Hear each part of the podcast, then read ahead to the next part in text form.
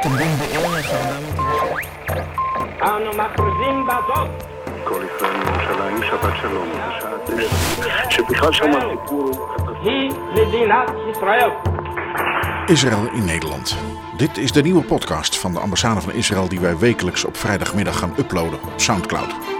In de podcast is er aandacht voor het grote verhaal van Israël, maar ook oog voor detail. Gesprekken met diplomaten en met gewone burgers. Joodse feesten en innovatie en toerisme. Iedere vrijdag dus Israël in Nederland. Dag, heel hartelijk welkom bij Israël in Nederland, de podcast van de Israëlische ambassade in Den Haag. Mijn naam is André Diepenbroek en ik ben uw gastheer. Een podcast van een ambassade dat geeft ons de mogelijkheid gebruik te maken van twee talen, Engels en Nederlands. Daar moet u niet van schrikken. De meeste van u kunnen een rustig gesprek in het Engels best volgen. En het is gewoon geen doen om bijvoorbeeld een Engels interview met de ambassadeur helemaal te gaan vertalen. Dit is Israël in Nederland van vrijdag 3 juli, waarin we op pad gaan naar Amsterdam. En dat doen we niet zomaar, maar we zijn in goed gezelschap. Maar liefst twee ambassadeurs gaan mee. Ambassadeur Piet Hoekstra van de Amerikaanse ambassade en onze eigen ambassadeur Naor Gilon. En ze hebben een missie. Want het is al een poosje gaande, anti-Joodse uitingen. Ik gebruik bewust dit woord omdat het een mix is van antisemitisme en giftig anti-Israël sentiment. In Amsterdam werd in mei opnieuw een ruit ingeslagen bij restaurant Har Carmel en gepoogd daar de Israëlische vlag in brand te steken. Met regelmaat wordt het restaurant beklad. Dagelijks krijgt eigenaar Sami Baron van alles naar zijn hoofd geschreeuwd. En op de Dam wordt wekelijks gedemonstreerd door mensen die pro-Palestijns zijn of pro-Israël. Maar de laatste lopen daarbij nogal eens een buts op. En de eerste gaan een grenzen over als ze op een Israëlische vlag een hakenkruis schilderen. Voor deze problematiek vragen ambassadeurs Gilon en Hoekstra aandacht. Met een lunch in kosher restaurant Haar Carmel en met een bezoek aan de Dam. Gaat u mee?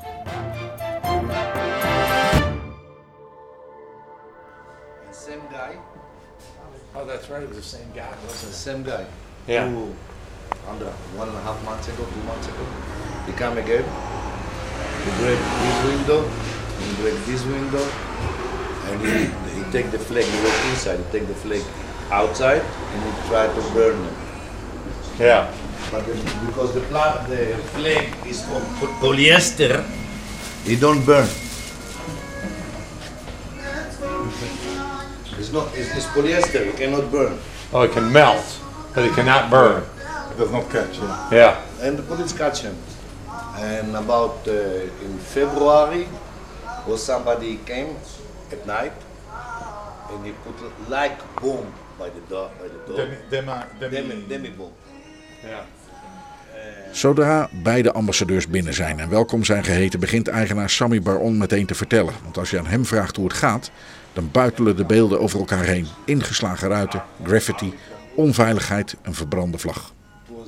It was false ba- bomb. Okay. Uh, not false alarm, yeah. Well, false alarm. But they close the street, the whole street, and it's very important street. They close Yeah. the street from 10 o'clock till 4 o'clock. If it's happening in Israel, Israel have to close the, the doors. Yeah. in No, we, Israel- we have a robot who comes in 10 In- in minutes. 10 minutes, minutes, it's finished. uh, it's done. Yeah. One way or another, they shoot it. And here know. they close the street. They street. blow it up or whatever, yeah. They, they don't close only the street, they close all the people they are living from the square till the square. Everybody have to go outside, outside home. So they make the whole street empty. So we still we give, we give them the.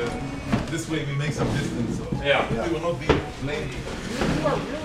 Ik zit hier aan een tafel met twee zeer voorname heren die eh, in een leeg restaurant verder zitten. En daar zitten politiemensen bij de ingang. En ze spreken geen van mij de Nederlands. Zal switch to English. Ja, wij kennen wel Nederlands. Maar dus, maar wel iemand, iemand, iemand zegt iets anders nu. Wat zegt u, ambassadeur? Ik zeg dat, ah, wij kunnen dit wel in Nederlands doen. Waarom niet? Het klinkt eigenlijk geweldig. Zullen we doorgaan, eh, ambassadeur Hoekstra? Nee, because, uh, die, eh, die, die andere ambassador moet er ook in. Uh, Ambassador Hoekstra, let's start with you. Why are we here? Are, we are in Amsterdam, but in a very certain specific restaurant. We are at a restaurant uh, that has been vandalized, that has been targeted uh, by anti Semitics. And we are here to, you know, we're here to demonstrate our support for the owners of this restaurant uh, and for, you know, recognizing, acknowledging, and repudiating anti-Semitism.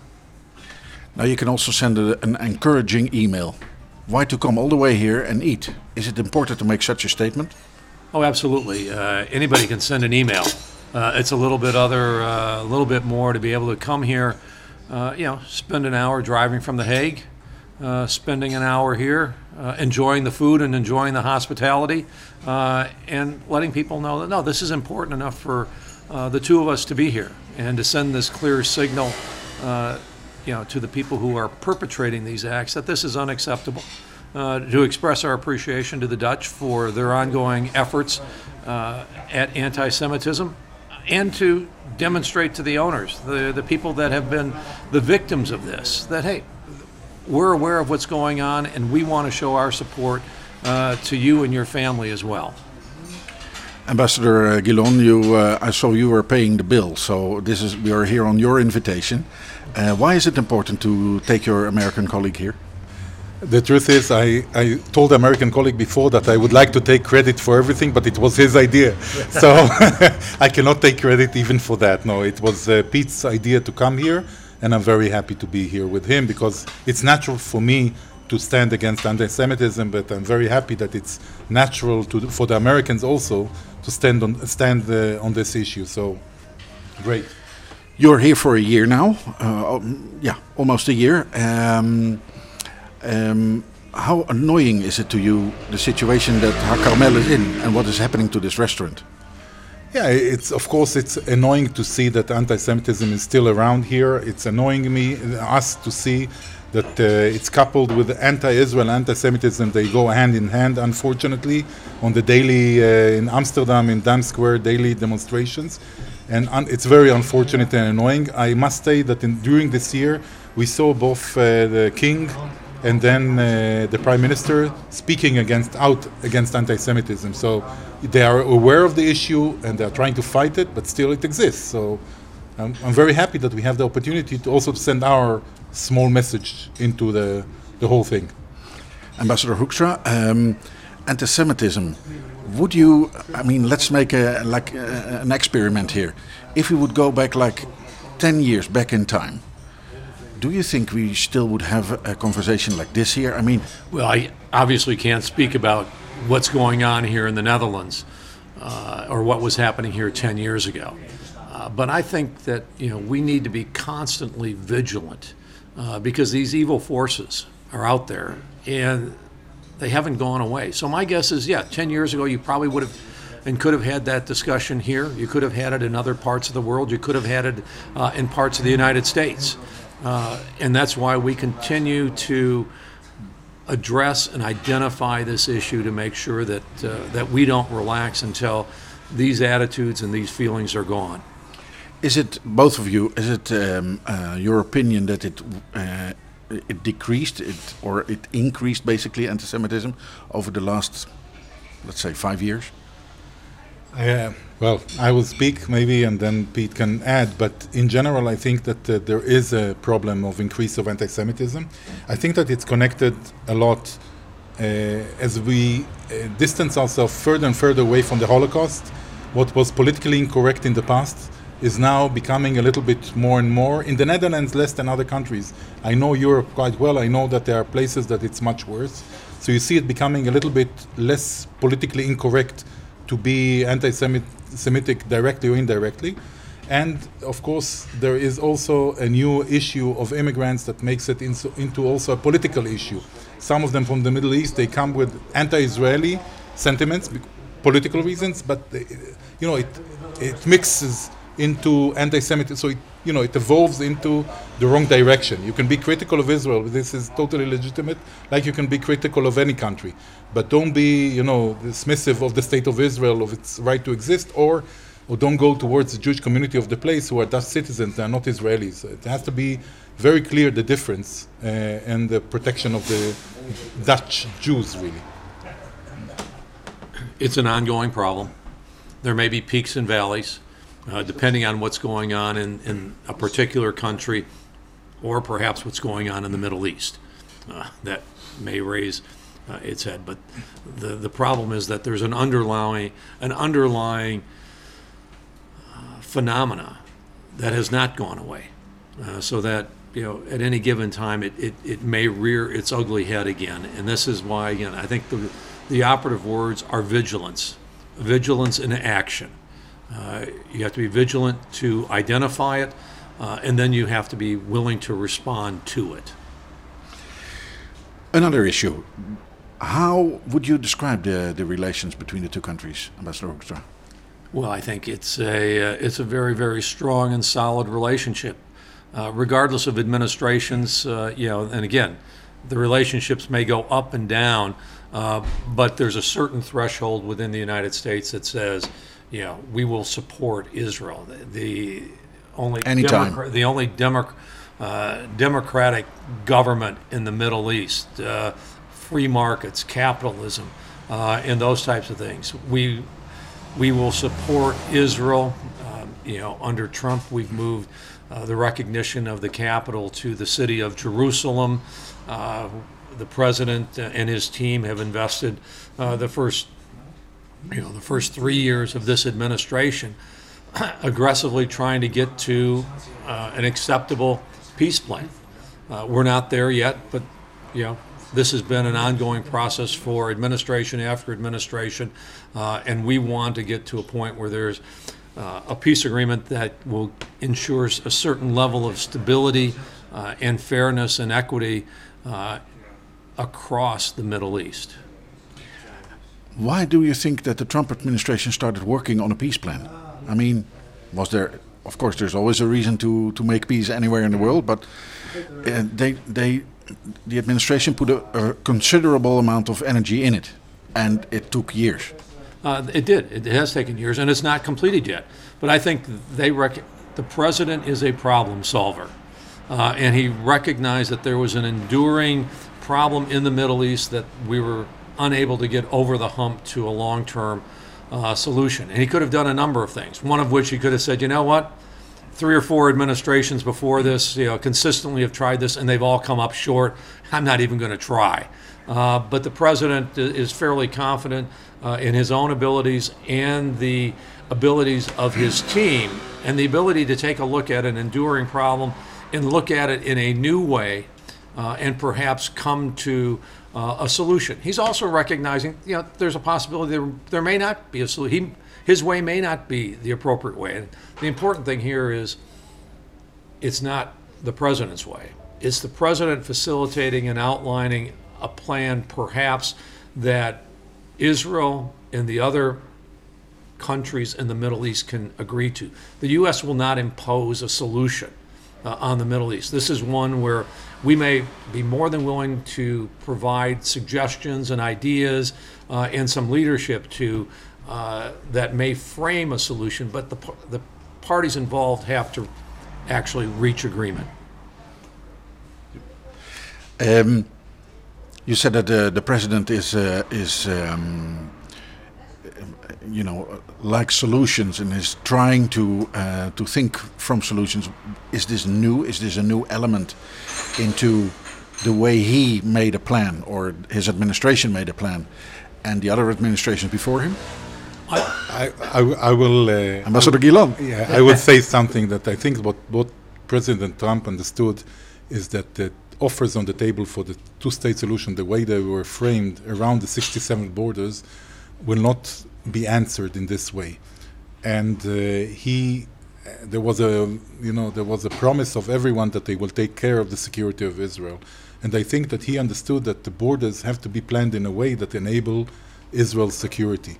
And in this way, he is a pioneer. He came and he said, the paradigm that was there, that it will be 67, uh, cannot work. So he's trying to make some modifications to the tribe in his plan to the borders in a way that ensures the security of Israel and its ability to protect itself for many, many years.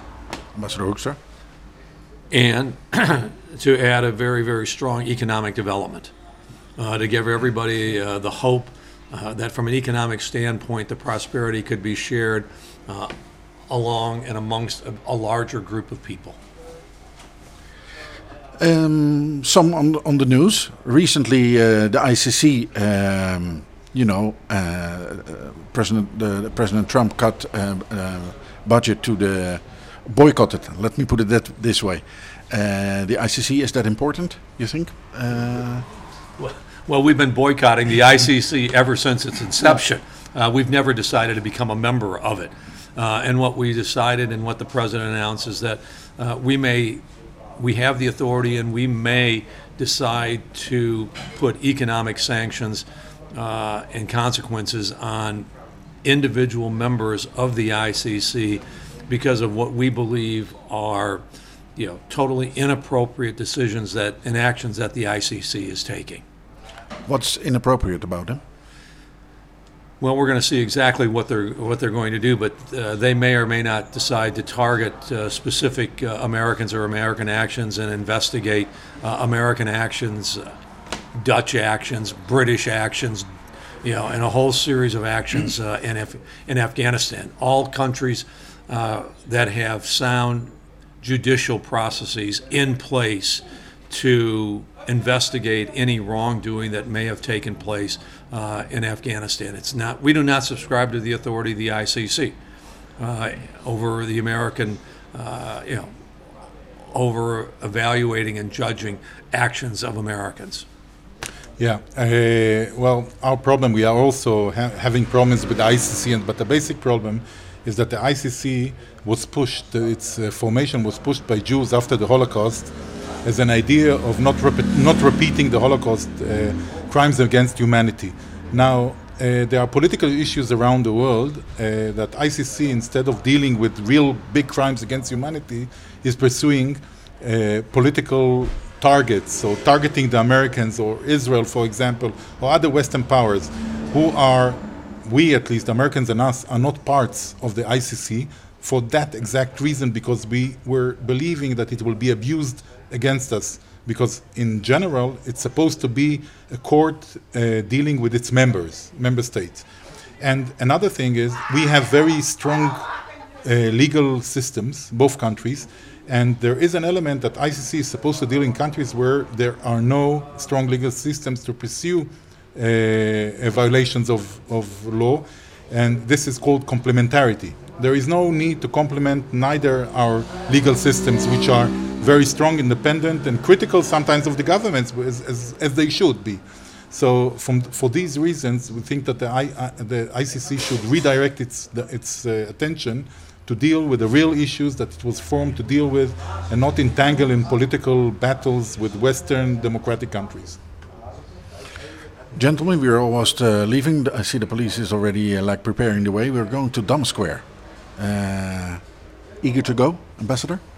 Uh, eager to go, yeah, I think it's important to go and show support to the people there. There is a daily, as I mentioned before, a daily anti, it starts as anti Israel, but these are people in the square that are really calling to boycott Israel and do not accept the existence in Israel, of Israel. They show maps of Israel with uh, of Palestine, as they call it, with Israel not existing on the whole territory, which means what they think about the existence or uh, they want Israel to cease to exist.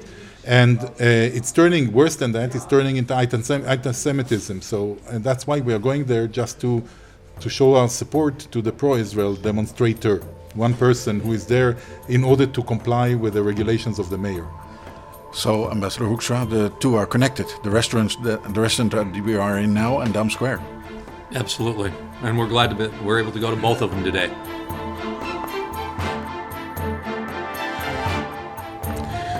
Sami, er zijn nu twee ambassadeurs, hebben hier net geluncht. Wat hebben ze gegeten? Ze begonnen met eh, een soort eh, proeverij in het begin. Verschillende salaatjes, falafel, hummus. Dat was de voorgerecht. En daarna heb ik een soort mix gedaan. Lamskotlet, kip, eh, kebab, van alles en nog wat. Echte Israëlische maaltijd. Echt- Echte Israëlische maaltijd. Echte Israëlische maaltijd. Want dat is hier wat je, het enige wat je ook echt verkoopt hè, in dit restaurant. Israëlisch eten. En kosher. Kosher en Israëlisch. Er zijn, er zijn ook Israëlische, maar zijn niet kosher. Ik ben kosher. Ja, precies. Is het nou belangrijk voor je dat die ambassadeurs hier komen eten?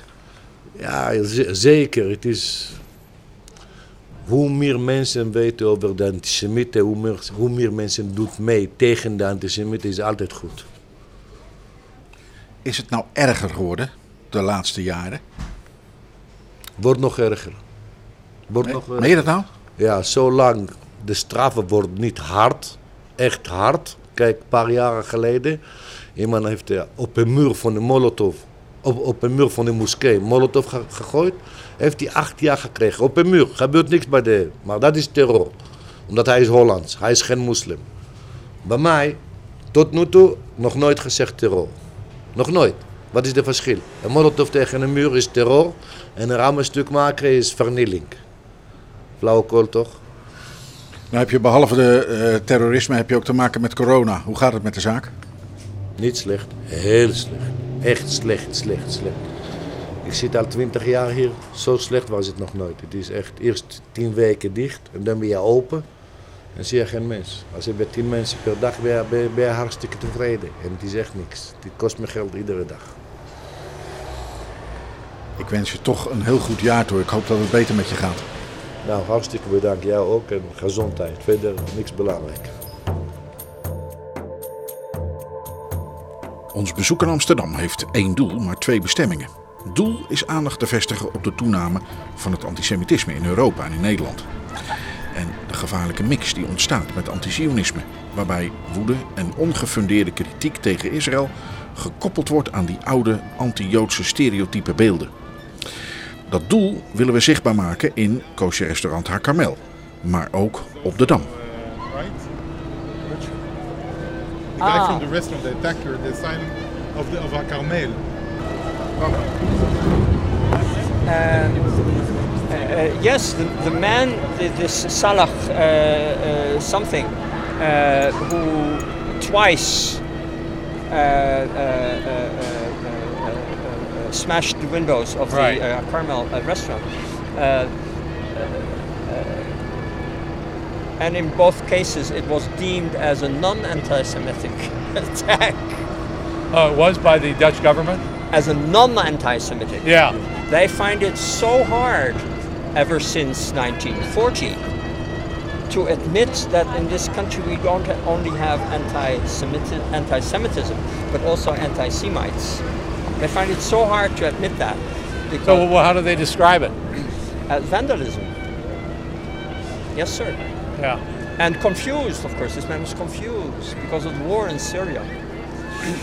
Um, So that same man, that man uh, uh, was uh, uh, wearing a the, the flag of this, the, the same flag I showed you in the photo, Right. uh, which is the flag of the PLO of Fatah. Um, and the word Fatah means conquest or victory. Guess over whom? You know Yeah. um, was wearing that flag, and I know that Simon, the guy, the BDS guy here, sells flags. And I saw this Salah from Carmel uh, window smashing many times here in the square. So I guess that uh, Simon has sold him his flag too. Yeah. And I have seen, I have seen, I have interactions. I, I often wear a camera, a body cam, and I've seen him sell the flag. Yeah.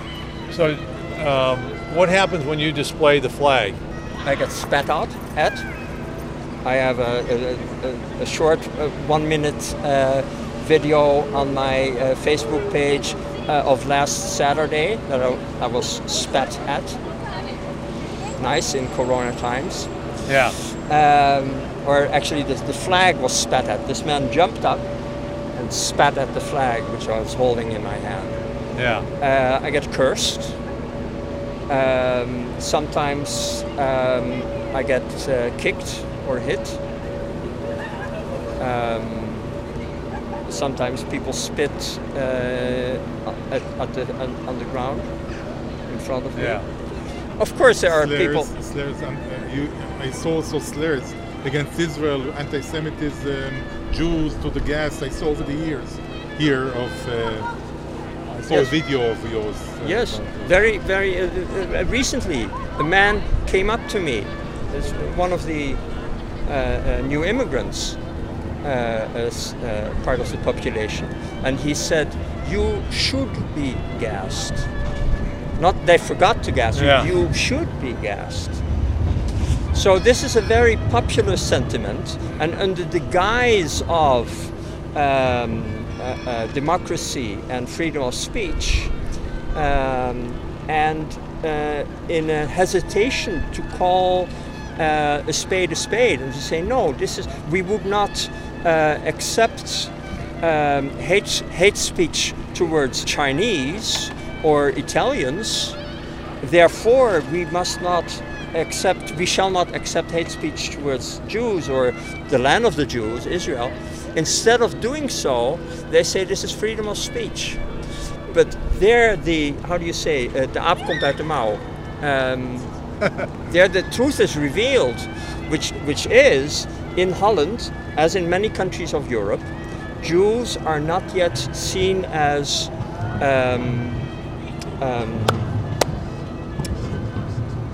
equal of equal value Yeah, full partners in society. as, full part and that that is really so it's not so much anti-semitism it is um, a lack of decency uh, or immoral conduct conduct which expresses itself towards Jews but not only towards Jews yeah. Thank you very much. oh you're welcome Thank you for being here every day, anyhow, and uh, devoting your time, your effort, your, li- your uh, life. But, yeah, it's a this decent thing so to do thank you So when will you put up the flag? Only when- the flag. When do you come with the flag? He has it. You have it. Yes. Only, only if they see I the have other side. two, I have I have two flags with me, one spare in case it gets robbed.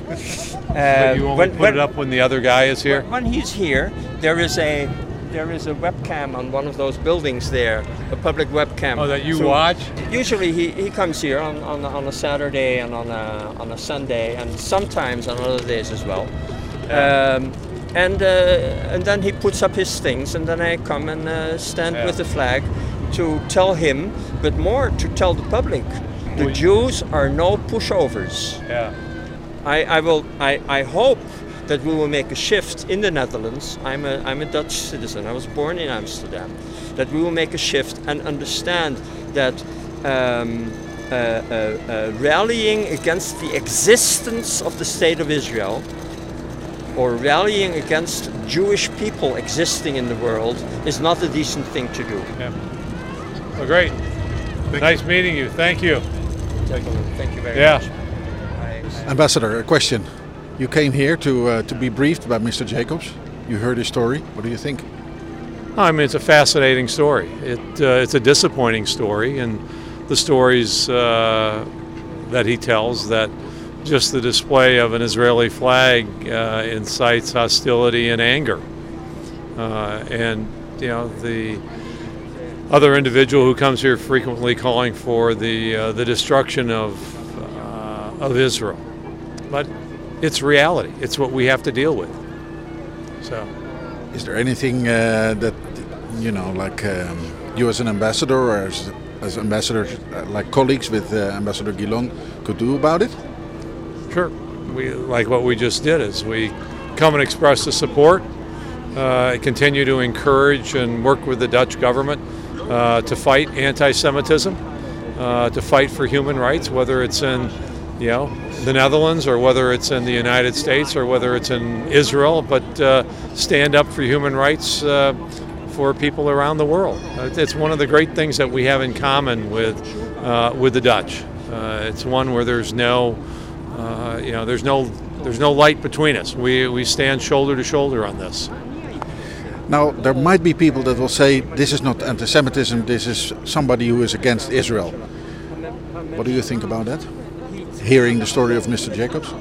Well, I- those individuals may exist, but uh, it's clear that uh, for certain uh, on certain occasions and with certain people, there's there is no difference. They're the same, and they that's how they express it. Okay. Okay, thank you. Pete, see you soon. Till the next time. Ambassador, uh, Mr. Jacobs is standing here like every time when needed. Uh, he's getting all the, um, you know, spit at, slapped at, and everything, and it's for Israel that he's doing it. What do you think about it? Well, I spoke to him. He's not doing it for Israel. He's doing it for himself as a Dutch citizen because he feels that the what he's doing should should have been the obligation of the Dutch government to deal with it. So he feels that he's doing what he has to do.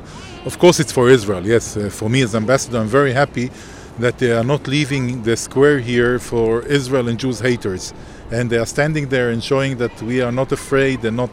Uh, uh, we will not stand by when people uh, come against us. But in general, his feeling is that he is doing it as a Dutch citizen for himself and for the Jewish community and for the non-Jew, non-Jew, uh, to all the rest of the Dutch, because this is a service against hatred and uh, and for pluralism and everything. So, again, we are thankful, but he feels that he's doing it for himself. For the Netherlands, basically. Because it's the decent thing to do. Yeah, that's exactly the words he used.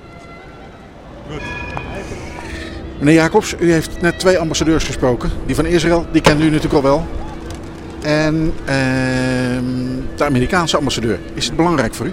Ja, het is enorm belangrijk. Eh, natuurlijk, het, is een, het is een eer en het is een belangrijk moment om met eh, hoge eh, ambtenaren, met hoge functionarissen te spreken van die twee belangrijke landen. Ehm, en het was een unieke gelegenheid om hen als Amsterdamse Jood eh, eh, te vertellen wat mijn, eh, wat mijn waarnemingen hier zijn, wat mijn gevoelens zijn met betrekking tot de anti-Israël haatcampagne op de Dam. Nou zullen heel veel mensen natuurlijk zeggen, ja, maar dat is toch, mensen zijn tegen Israël, dat mag. Antisemitisme is wel een heel groot woord. Wat zegt u dan terug? Ja, dat is het ook. En, en een- een Jood heeft het recht om dat in de wond te nemen. Maar als een Jood met, met andere mensen praat, dan moet hij zeggen: ja, antisemitisme is gewoon onverdraagzaamheid jegens Joden. Dat moet je net zo eh, min accepteren als onverdraagzaamheid jegens blonde vrouwen of eh, eh, mensen met een gehoorprobleem of negers of Eskimo's. Mensen met een baard, zoals ik. Ehm, is er verschil tussen ehm, zeg maar protesteren tegen Israël of een hekel hebben aan Israël of laat ik zeggen Israël ehm, daartegen, daartegen demonstreren en antisemitisme? Want hier op de Dam hebben we het gevoel gaan we wel een grens over. Dat is niet alleen maar tegenstand van Israël, maar dat wordt vermengd met iets kwalijkers. Nou, eh, de, de haatcampagne tegen Israël is zo door en door georganiseerd en georchestreerd. En zo doordrongen van eh, anti-Joodse eh, ideeën. Als eh, Joden zijn rijk of Joden zijn moordenaars. We kennen dat uit de christelijke geschiedenis, eh, natuurlijk eh, uit en ten treuren. Ehm, eh, Joden. Kijk, als Joden in staat zijn, volgens de traditie dat men denkt, om, ehm, om de heiland te laten doden, dan draaien ze hun hand niet voor om een land te stelen.